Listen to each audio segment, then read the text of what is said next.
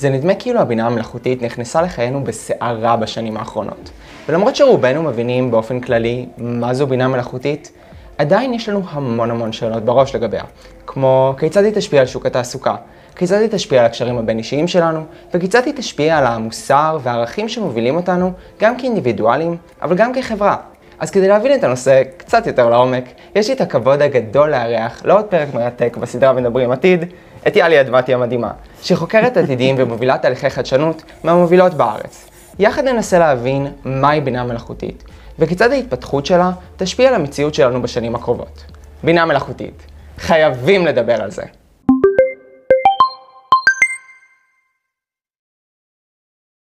אז היי כולם, מה קורה?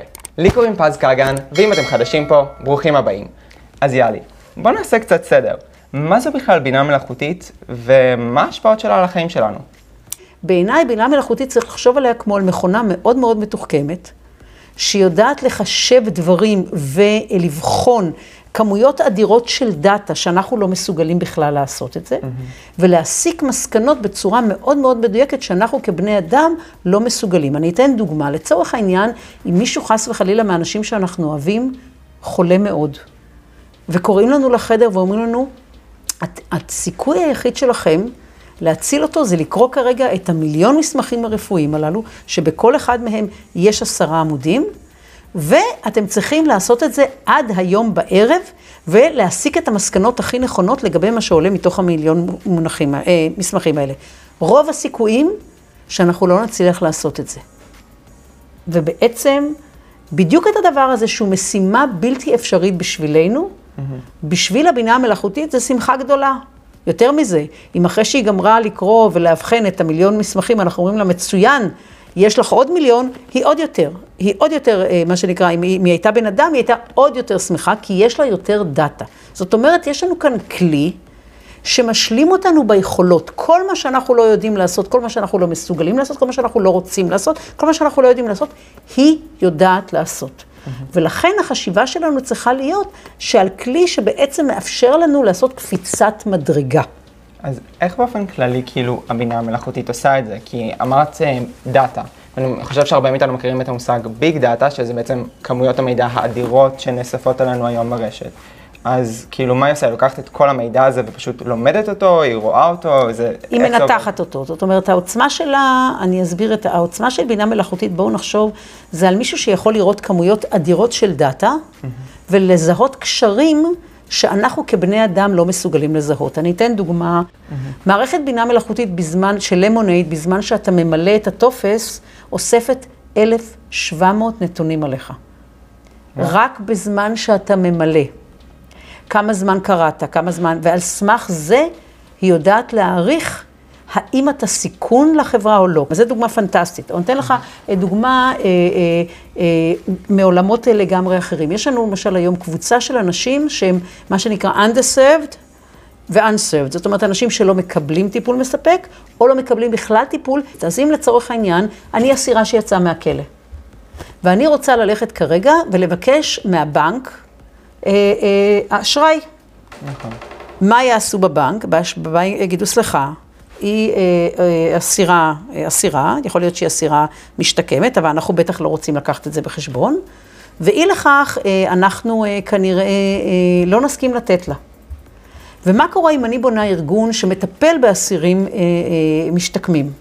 ואני מבטיחה להם שאני אוכל לדאוג להם להלוואה כנגד זה שהם ייתנו לי גישה לסלולרי שלהם.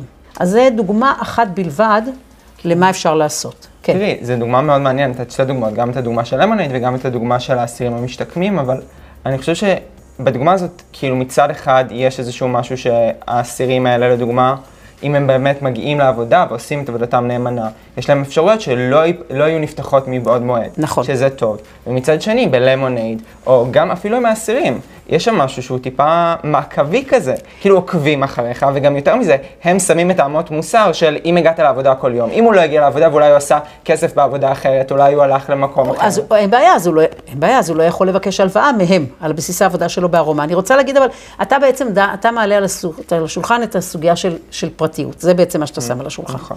אוקיי. עכשיו, אה, אני רוצה להגיד כמה דברים לגבי פרטיות. דבר ראשון, פרטיות זה קונספט חברתי. והוא מושפע מקונטקסט. הוא לא עומד בפני עצמו. כל תמה חברתית היא חיה בתוך קונטקסט תרבותי. זה בפירוש. אז דבר ראשון, הקונספט של פרטיות כרגע הוא מאוד מאוד, לא שאני חושבת שצריך חס וחלילה לא להשתמש בו או לא להתייחס אליו, כן. אבל אני אומרת שאנחנו צריכים להבין שהוא קונטקסט תרבותי. ואחד הדברים המעניינים שכל המחקרים מראים, זה ש... דבר ראשון, פרטיות זה לא בינארי, זה לא חיובי או שלילי, אלא יש לך רצף. Mm-hmm. עכשיו, אם על פני הרצף אנחנו נשים לך את האופציה של פרטיות מוחלטת, שאף אחד לא יודע עליך כלום, ובצד השני אנחנו נשים נוחות מקסימלית. שבכל רגע נתון, לצורך העניין, הבית שלך ידע כל מה שאתה רוצה בכל רגע נתון, ויכין את עצמו אליך, כן?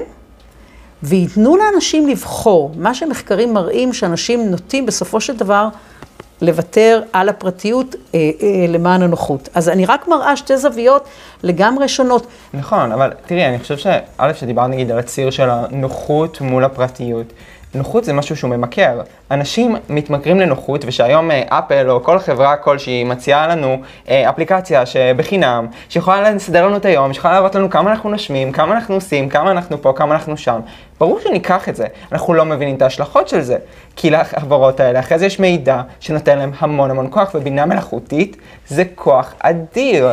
מה שנפלא זה שכמה כמה אנחנו ממהרים לפחד. תמיד שיש טכנולוגיה חדשה, אנשים קודם רואים מה הם מפסידים. זה, ככה המוח האנושי עובד. קהנמן מדבר על זה, פרופסור דן אריאלי מדבר על זה, אנחנו קודם רואים את מה אנחנו מפסידים. עכשיו, אני חושבת שהבעיה שלנו עם הבינה המלאכותית או עם הדאטה, זה לא... שיודעים עלינו, אלא איזה שימוש עושים, עושים בזה. אני חושבת שזאת השאלה המרכזית. ובסיפור הזה זה כבר סוגיה אחרת שדנה בעצם היא, היא, אה, היא, אה, בסוגיה שהיא הרבה יותר מורכבת, שבעצם יחסי חברה וטכנולוגיה. ואנחנו נערכים כרגע לשלב שבו כנראה יהיה מהלכים מאוד מעניינים, והם נדרשים לדעתי, של רגולציה על חברות הטכנולוגיה הגדולות. Mm-hmm. מה שקרה, חברות הטכנולוגיה הגדולות גדלו מאוד מאוד מהר. ובעצם המסר היה בעצם תפנו לנו את הדרך. כדי שאנחנו נוכל בעצם להביא את ההתפתחות ואת השגשוג וכן הלאה לכולם. ובעצם נתנו להם לעבוד כמו שהם רוצים, ועכשיו יש צעקה מאוד מאוד גדולה. אבל, אבל זה בסדר, ככה חברה אנושית עובדת. מה שאנחנו שוכחים תמיד זה אה, שמצד אחד אין לנו דמיון לגבי העתיד, אבל אנחנו גם שוכחים את ההיסטוריה. ואם אנחנו מסתכלים על ההיסטוריה האנושית של החדשנות והיצירתיות, אבל בעיקר על תהליכים, על תקופות של אה, אה, התפתחות טכנולוגית מואצת, של מהפכה טכנולוגית מואצת, אז כל פעם הטכנולוגיה התקדמה, ואז החברה הסתכלה, זיהתה את המגבלות או את הצרות או הבעיות שהטכנולוגיה מייצרת, ועוצרת אותן. אז חשוב את זה להבין, אבל אני אסביר למה הבינה המלאכותית היא כל כך קריטית. ואני אתן דווקא דוגמה מעולם הרפואה, כי אתה יודע שהוא מאוד קרוב לליבי. כן. תראו, כל דבר שקורה לנו בגוף, קורה, אם משהו רק קורה, הוא מתחיל חודשים ושנים קודם. ואנחנו יודעים שכל מחלה אם אנחנו מזהים אותה ב-T0 או ב-T1, אפשר לעצור אותה. כולל המחלות הכי קשות, סרטן, אלצהיימר וכן הלאה. אנחנו יכולים לעצור. עכשיו בואו נסתכל על הפרדוקס, כן? שעל הרכבים שלנו, שלא נעים להגיד, זה בסוף רק פח, כן? זה לא אנשים שאנחנו אוהבים, יש לנו בין 300 ל-500 סנסורים שכל הזמן בודקים מה קורה, נכון? ואם חס וחלילה יש לנו אור אדום על הברקסים, אנחנו מיד לא נוסעים, נכון? או, כן. או על המנוע, מפסיקים לנסוע. אבל על הגוף שלנו, לא. עכשיו, תארו לעצמכם שאנחנו לוקחים את הכוח הנפלא הזה של בינה מלאכותית ומשתמשים בו כדי באופן קבוע לוודא שאנחנו בריאים. תראי, זה, תראי, בעניין של בריאות, אני יכול להבין, ואני גם יכול להבין שיש דברים שהם טיפה יותר גדולים מהפרטיות של כל אחד מאיתנו, נגיד שינוי אקלימי זה, זה בעיה שהיא באמת גדולה, ואם אפשר להשתמש בכלי המטורף הזה כדי ל, ל, לטפל בה, או לעזור, או להקל עליה, זה מדהים. אבל נגיד שנתת דוגמה עם הרכב, שיש 300 סנסורים. הסנסורים האלה יכולים, נגיד שיש רמזור אדום, לעצור. עכשיו, אם אנחנו שמים כזה דבר על הגוף שלנו, איפה זה משאיר את יכולת הבחירה שלנו? אם הסנסור יגיד לנו, תעצור עכשיו, ו... אתה יכול להחליט, לא. מה שיקרה זה שיהיה לך מערכת שאתה יכול לבחור מה אתה רוצה לדעת ומה אתה לא רוצה לדעת. יש למשל אנשים שלא רוצים לדעת מה מצבם הבריאותי. מין הלאה, מה שיהיה יהיה. זה דבר ראשון. דבר שני, אנחנו נראה מודלים חדשים. כשאנחנו מדברים כרגע על רגולציה של החברות, למשל, קווין קיילי בא ואומר כרגע, שמה שקורה כרגע, יש מערכת לא סימטרית. Mm-hmm. מה שזה אומר זה שאנחנו יודעים, יודעים מה החברות יודעות עלינו, ואנחנו לא יודעים מספיק על החברות ועל מה הן עושות. כן, ללא ספק. אין בעיה, ומה שהוא אומר, כש, ש, הוא אומר את זה מאוד יפה, הוא אומר בכלל, זה חוק של החיים, מערכת לא סימטרית לא מחזיקה מעמד, ולכן מה, שיקר, מה שייווצר בח, בשנתיים, שלוש, חמש השנים הקרובות, עשור הקרוב, אוקיי? ייווצר מערך של רגולציה שבודק את החברות. זאת אומרת, אין בעיה, אתם יודעים עלינו, גם אנחנו נדע עליכם. ואז יש מערכת, מה שנקרא, שהיא אה, שוויונית. וזה מה שהולך לקרות. אז זה לא, זאת אומרת, אני באופן אישי הרבה פחות, הרבה פחות מוטרדת, אבל אני יכולה להבין, ומה שאני אומרת, שיהיה לזה פתרון, שהוא יהיה פתרון, פתרון רגולטורי. אז אני מבין מה שאת אומרת, אבל באופן כללי, לדוגמה, בינה מלאכותית זה כלי שבעיניי הוא שווה ערך כמו נגיד לפצצת אטום. כאילו, זה, זה משהו מאוד מאוד חזק. ובשונה נגיד פצצת אטום, שיש את זה רק למדינות, היום בינה מלאכותית, מי שלומד איך לפתח אותה, יכול לעשות אחת בבית. כאילו, אני חושב שזה נותן המון המון כוח לאנשים שלאו דווקא תמיד יודעים איך להתמודד עם הכוח הזה. אני ברשותך רוצה לחזור לנושא של הדפוס. מה אמרו אז? איך עכשיו כל אחד יכול לכתוב? יכתבו דברי שטנה, יכתבו נגד הממשלה, יכתבו נגד אלוהים, יכתבו נגד מי יודע מה, אוקיי? תחשבו, תבין, לפני 100 ו-200 ו-300 שנה, mm-hmm. כתב ודפוס, בדיוק אמרו עליהם אותו דבר. מישהו אומר את זה עכשיו על אנשים? מישהו אומר לא ללמד אנשים קרוא וכתוב, כדי שהם לא יכתבו דברים שאני לא מאמין בהם? לא, לא, אבל תראי, זה באמת, זה כאילו משהו שבמעט מאוד משאבים אפשר להגיע ל, ל, לתוצרים שהם ממש ממש חזקים. אני רוצה להגיד לך שעם דף ועם עט, אנשים בונים מהפכות, זה בדיוק אותו דבר. כל, כל טכנולוגיה, אנחנו צריכים לזכור, כל טכנולוגיה יכולה להיות חיובית ושלילית. Mm.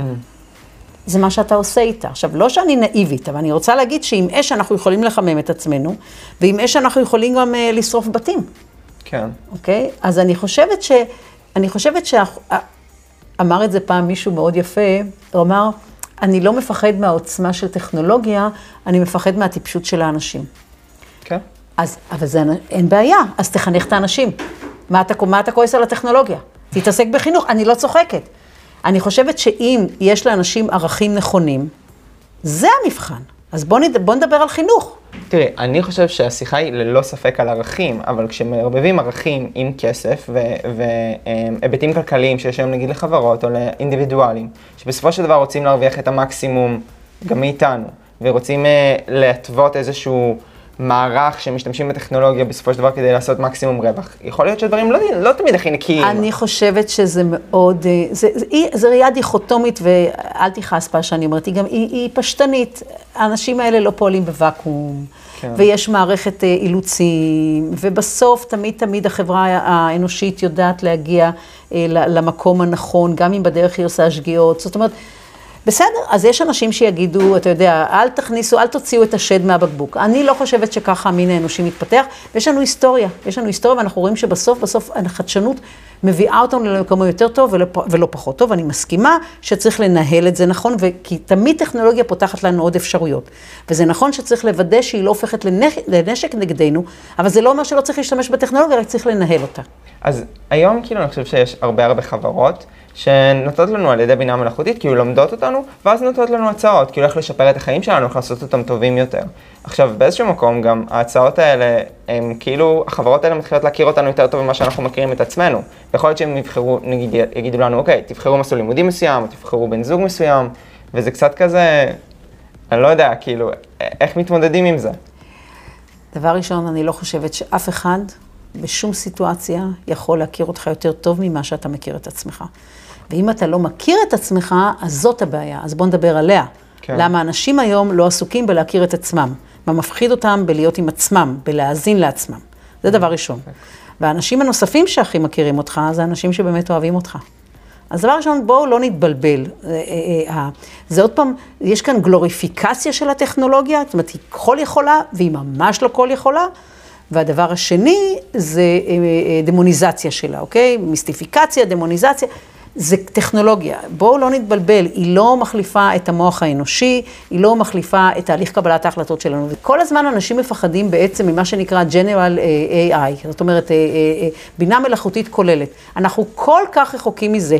כל היום, כל מערכת של בינה מלאכותית, ומי שמתעסק בזה, הטכנולוגים יגידו לך, שכל מערכת יודעת לעשות דבר אחד מאוד מאוד מאוד טוב. לצורך העניין, המערכת של Go יודעת לשחק גו נפלא. אבל היא ממש לא תדע לשחק פוקימון. Hmm. אוקיי? זאת אומרת, אנחנו כל כך רחוקים משם הטכנולוגית, שגם אם היה מה שנקרא, אם היה איש רציונל בכלל לפחד כזה, הוא ממש לא עכשיו, אלא הרבה הרבה יותר רחוק ממה שאנחנו בכלל יכולים אה, אה, להעלות אה, על דעתנו. כן. וגם את זה צריך להבין. אז אני חושב שכאילו מכל מה שדיברנו עד עכשיו, מה שאותי הכי כאילו, אני חושב שהדבר המרכזי שאני קיבלתי זה שאנחנו צריכים להשקיע באמת בחינוך, שאנחנו צריכים באמת להשקיע בערכים של כאילו... בערכים ובמוסר. עכשיו, עכשיו שאלה מעניינת, איך אפשר להשתמש בטכנולוגיות האלה ובבינה מלאכותית כדי לקדם חינוך טוב יותר ומוסר יותר? יש איזה שהם פיתוחים שכזה משתמשים בטכנולוגיה כדי כאילו להפוך אותנו לכזה חברה שיותר מכילה, יותר מקבלת, יותר פותחת? חד משמעית. אז דבר ראשון, חשוב לדעת שמה שמאפיין את הבינה המלאכותית, שהיא כל כך משמעותית בהקשר הזה, זה היכולת שלה לאפשר לנו, לבנות לנו את המערכת הלימודית שמתאימה לנו. כל אחד מאיתנו mm-hmm. לומד לגמרי אחרת. עכשיו, תאר לעצמך שאתה מחבר כרגע את המערכת שלך, את כל, את, את, יש לך כרגע טאבלט ואתה לומד על הטאבלט. והטאבלט מנתח הרבה מאוד דברים. הוא מנתח איפה אתה מתעכב, איפה אתה מתקשה, איפה אתה חוזר אחורה. ואחרי שניים, שלושה שיעורים כאלה, הוא נותן לך, הוא בונה לך את השיעור הבא בהתאם למה שהוא למד, לא על מה שאתה אמרת מה החוויה, אלא בפועל איך התנהגת בשיעור. מה קרה לך? איפה העיניים שלך התעכבו? עכשיו, זה יעשה קפיצת מדרגה מטורפת. ומה שאנחנו רואים שכשאנחנו לוקחים מערכת של בינה מלאכותית, אנחנו יכולים לקחת תלמידים שמזוהים כחלשים וכבינוניים, בשיתוף עם מערכת של virtual reality, אנחנו, הביצועים שלהם אחרי חודשיים, שלושה, ארבעה, הם יותר טובים מאשר התלמידים הכי טובים בכיתה. באמת? כן. זה שינוי דרמטי שאנחנו ממש ממש ממש לא נערכנו לו. וואו, זה מדהים. אז רגע, אז לפי מה שאת אומרת, ואני חושב שזה גם כאילו משהו שהרבה מאיתנו לא כל כך מודעים אליו, זה כאילו נשמע כאילו הבינה המלאכותית תאפשר איזשהו מקום של שוויון הזדמנויות דווקא. לגמרי. ואיזשהו צמצום פערים חברתיים, כי אם הטכנולוגיה הזאת תהיה נגישה לכולם, וכל אחד יוכל ללמוד בצורה שמתאימה לו, ולהוציא את המיטב מעצמו, אנשים מאוכלוסיות שהן טיפה יותר מוחלשות, יהיה להם את היכולת לעשות דברים מדהימים ולקבל הזדמנויות שהן שוות. חד משמעית. אם אני אה, ילדה ענייה בכפר עני בהודו, היום, העולם לא יכול ליהנות ממני, ואני לא יכולה ליהנות מהעולם. עכשיו רגע, אני רוצה לחבר את זה לחינוך ולבינה מלאכותית. עכשיו, אני הילדה הקטנה ענייה, ובעצם אבא שלי, או שהוא יוכל לקנות אה, אה, סלולרי מאוד מתקדם, שעולה לנו כאן הרבה, היום הרבה מאוד כסף, אפשר יהיה לקנות אותו ב-45 דולרים. ואני על זה, תהיה לי תוכנה, שאני אוכל תוך 18 חודשים ללמוד קרוא וכתוב ומתמטיקה, או בשפה שאני, שלי. או באנגלית, זו בחירה שלי. עכשיו, המערכת הזאת, כי מה שקורה על ידי השימוש בסמארטפון, בעצם אפשר לבדוק בדיוק איפה התעכבתי, מה היה לי קשה, מה כתבתי ומחקתי. עכשיו, תחשוב, בעבר לא יכולנו בכלל למדוד את זה. למשל, אם מילאת טפסים, לא יכולתי לבדוק מה שנקרא, אם אתה, כמה זמן לחצת עם העיפרון. כאן אני יכולה לראות, אני יכולה לראות כמה זמן קראת, כמה זמן התעכבת על כל פרגרף. האם יש לך שגיאה חוזרת כל הזמן? ואז בעצם לתת לך הערות איך לתקן אותה, לתת לך כאילו דברים כן, נתתי לך איזושהי הכוונה שהיא מותאמת אליך. כל פעם שייוולד סולולרי, ייוולד מורה אישי. עכשיו תחשבו מה זה אומר. זה אומר שאנחנו נערכים להתפרצות של גאונות מכל מקום. הסיפור, אפרופו שוויון, mm-hmm. שמי שמרים סטארט-אפים זה קבוצה של גברים לבנים, אוקיי? שגדלו בדרך כלל מאוד פריבילג', כן? ושבנו את הנטוורק שלהם או בסיליקון וואלי yeah. או בהרווארד וכן הלאה. הסיפור הזה הולך להיעלם, וכרגע נולד קונספט מאוד מאוד מעניין שמתייחס למדינות אה, כמו שלנו, או מדינות פחות מערביות, בניגוד למה שנקרא ליוניקורן, אז נולד לנו כרגע המודל של הגמל. גמל. כן. יוניקורן זה נשמע כל כך כזה, יוניקורן, גמל. גמל, אבל לא חשוב, זה מאוד יפה כן, בעיניי. האמת שזה יפה ממש. אז אתה צודק. ואז שמת את ה... בדיוק את ה... שמת על זה. בינה מלאכותית בשימוש נכון תאפשר לנו לטפל בסוגיה של אי שוויון חברתי שהוא מאוד מאוד חמור כרגע. ואם לדוגמה אנחנו מדברים על, נגיד, ללמוד באמת, ואנחנו אומרים שאוקיי, בינה מלאכותית, היא תדע לקחת את כל הדאטה בעולם, או כל הדאטה שכבר קיים, ולהוציא את המסקנות הנכונות. אז מה אנחנו, נגיד, צריכים ללמוד?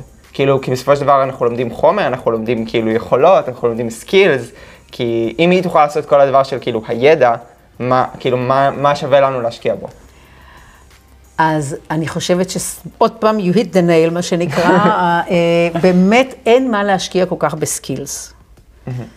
אה, אני חושבת שמה שחשוב לעשות זה לחזור ולהשקיע ב-capabilities. אנחנו נצטרך, אה, חוזר ואומר לנו ג'ון הגל וגם סלים אסמאעיל, שמוביל את החשיבה של exponential אה, organization, הם שניהם מדברים על זה שאנחנו נצטרך פותרי בעיות אינטליגנטיים ויצירתיים.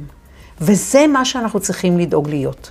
זאת אומרת, אנחנו צריכים לחזק את, ה, אה, אה, את, ה, את היכולות ליבה שלנו. והדבר הראשון זה תשוקה, למצוא מה התשוקה שלנו. הדבר שבשבילו אנחנו מוכנים לעבוד 24 שעות ביממה ולא שמנו לב. כי תמיד הולך להיות כל כך מאתגר שאנחנו נצטרך את התשוקה. ואנחנו צריכים חד משמעית את הנושא של הסקרנות שלנו, לחדד, לחדד מאוד. מסתבר דרך אגב שחדשנות, אה, סקרנות, אה, היה מחקר מאוד גדול שיצא לאחרונה שאומר שסקרנות זה אה, תכונת על. באמת. כן, שהיא מייצגת ומחזקת עוד הרבה מאוד תכונות שהן מאוד משמעותיות, כמו אה, חוסר רגישות חברתית. במובן, אה, חוסר, לא חוסר רגישות חברתית, אלא יכולת לעמוד ב, אה, אה, אה, בחוסר, באיזושהי חוסר סובלנות חברתית, שזה הרבה כאילו פעמים... ברגע שיש לך את הסקרנות, אז הדברים האלה כאילו מתחילים לפתור את עצמם מעצמם. הם, הם מעידים, זאת אומרת, אם אתה, אם הדירוג, ש- אם הציון שאתה מקבל גבוה על סקרנות, סביר להניח שיש לך גם את התכונות אה. הנוספות. אני אגיד ככה, אה, אתה פחות מפחד ממה שנקרא כישלון, כן.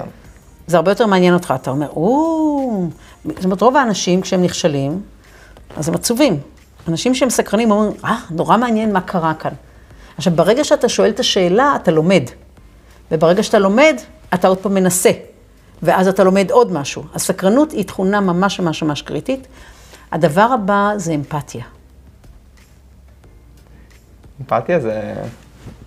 לא, האמת אבל אמפתיה, בטח שאנחנו מדברים על המקום הזה, שאמרנו שיהיה צמצום של פערים חברתיים, וכולם יבואו, ופתאום יתחילו לבוא אנשים מהמון המון תרבויות, מהמון המון רקעים, ויקבלו המון הזדמנויות. המקום של אמפתיה וקבלת האחר, הוא יהיה חייב להיות מאוד מאוד חזק אצל כולנו.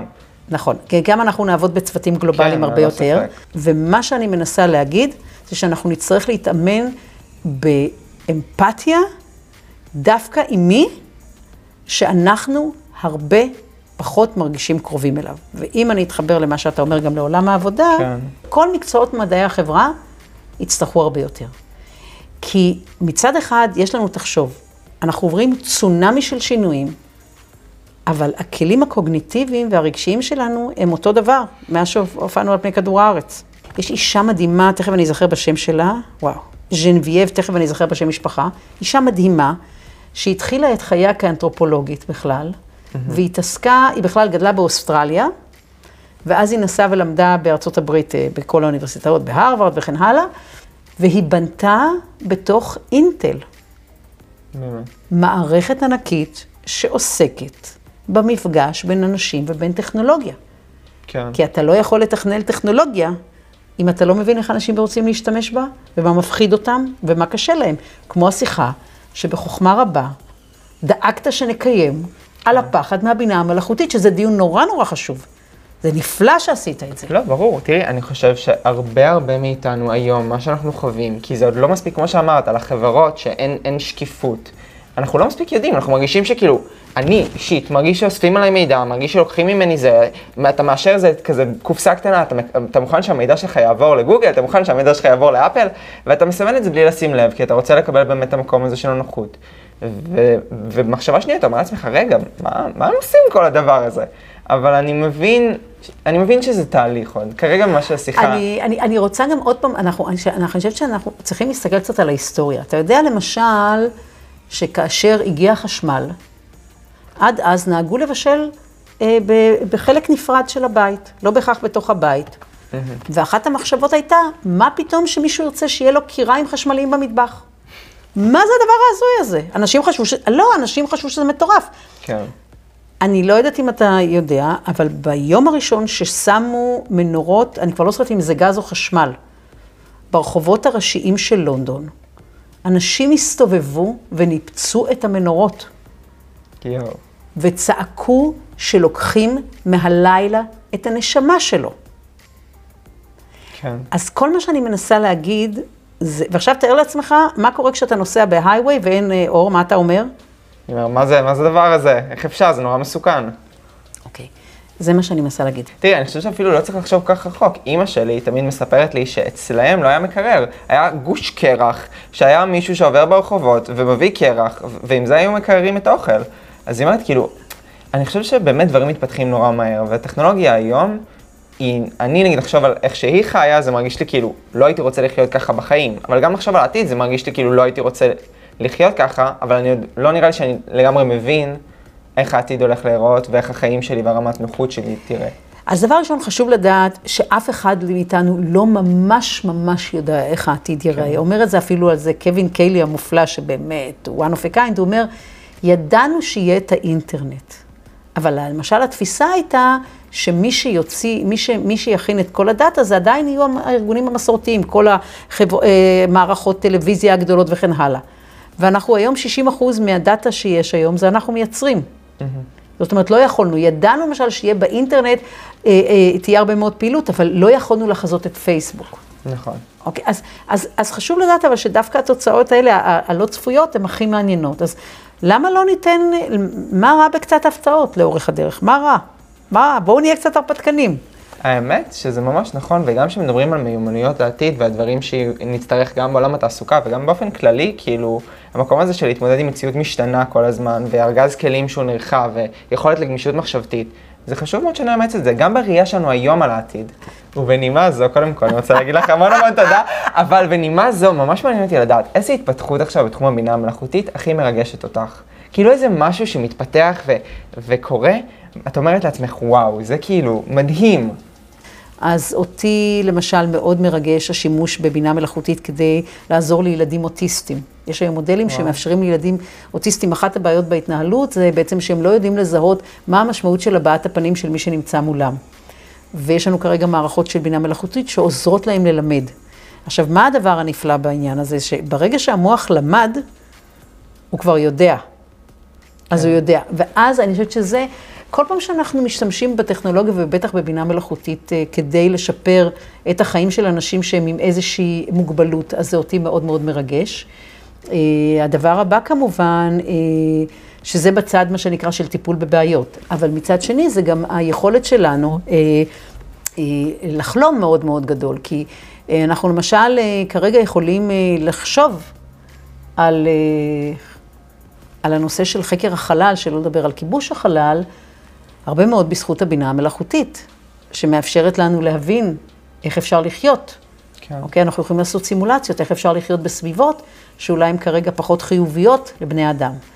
אז עוד פעם אני חוזרת ואומרת, בינה מלאכותית בעיניי זה בשבילי באופן אישי, זה החבר הכי טוב שאי פעם יכולתי אה, לבקש, כי הוא, הוא משלים אותי בכל מה שאני לא טובה בו, ומצד שני, הוא מספיק חבר טוב כדי לעזור לו, כי אני מבקשת ממנו. אז זהו. האמת שזה סופר מעניין, ואני חושב שכזה, יש לי אולי דימוי אה, לכל מה שאמרת, שנגיד אם יש אה, מצב שאנחנו נמצאים בו היום, יש איזושהי בעיה שאנחנו רוצים לפתור, אז אם עד היום הלכנו ברגל, נגיד מנקודה א' לנקודה ב', היום יש לנו טוסטוס. כאילו איזשהו משהו שמאפשר לנו לפתור את הבעיות, לחלום יותר גדול, להגשים את הדברים שאנחנו רוצים, לאפשר הזדמנויות אה, ולפתוח אופקים. נכון, הייתי אבל אפילו אומרת מעבר, אני רוצה להיות במקום אחד במקום אחר, יכול להיות שאני יכולה פשוט באמצעות הבינה המלאכותית לשלוח את אותו חלק ממני שאני רוצה שיהיה במקום אחר ולהישאר איפה שאני נמצאת בכלל. אה, והדבר השני שאני חושבת שצריך להסתכל לא רק על הבעיות, לא שאין לנו בעיות ואנחנו לא צריכים כן. לפתור, אלא גם על ההזדמנויות הגדולות. נכון. אני חושבת שזה לא פחות חשוב להסתכל על ההזדמנויות הגדולות. וזה בעיניי אה, המקום שאנחנו בדרך כלל שוכחים להסתכל עליו. מה הדבר הזה עוד יאפשר לנו, איזה חלומות ראוי שנחלום, ובאמצעות הבינה המלאכותית נוכל להגשים. אני חייב לציין ש... שהשיחה הזאת, תראי, התחלנו, התחלנו עם הרבה פחד, וסיימנו עם המון המון המון אופטימיות, ואני מקווה שזה גם התהליך שאתם עברתם שם בבית, כי ללא ספק, כאילו כל מה שיאלי זה בזכות פז אבל, לא לא, להתבלבל. זה- בזכות יאלי. אז קודם כל, הפרק הבא שלנו הולך להיות בנושא של מציאות מדומה, אז אנחנו נדבר על כל המציאויות וכל הדברים המדהימים, ואתם ממש ממש תהיו מוזמנים לצפות פה. אני רוצה להגיד שוב המון תודה ליאלי אדמתי, המדהימה. אה, אז תודה רבה לך, תמיד תמיד? כיף שאנחנו ומדברים. זה היה מדברים עתיד, הסדרה שמנ- שמנגישה את עולם העתיד לאלה שחיים בהווה, ואם זה נשמע לכם מעניין, אתם מוזמנים לעקוב אחריי, וגם אחרי יאלי, אני אשאיר את הלינק שלה, אה, לינק סליחה, סליחה, בוא לא נתבלבל. פז אחראי ועוד מטפל שאפשר לעקוב אחריי, כי אני ממש לא בעניינים, ופז עושה עבודה מדהימה, מדהימה, מדהימה, שמעולם לא הייתי יכולה בכלל לצפות שזה יכול להיראות כל כך טוב. אז פז, זו הזדמנות נהדרת להודות לך, ואני מבקשת לא לקטוע את זה בעריכה. בקיצור, אני באמת באמת ממליץ אה, לעקוב גם אחרי יאלי וגם אחריי, אנחנו מעלים תכנים בנושא עולם העבודה העתידי, בנושא של חדשנות, בנושא של לראות דברים קצת אחרת ולקבל איזשהו טול קיט מעולה, אה, להבנה יותר טובה של איך הדברים הולכים להיראות. אה, שיהיה לכם המשך יום מקסים והמון המון תודה שצפיתם בנו, ועד הפעם הבאה, להתראות.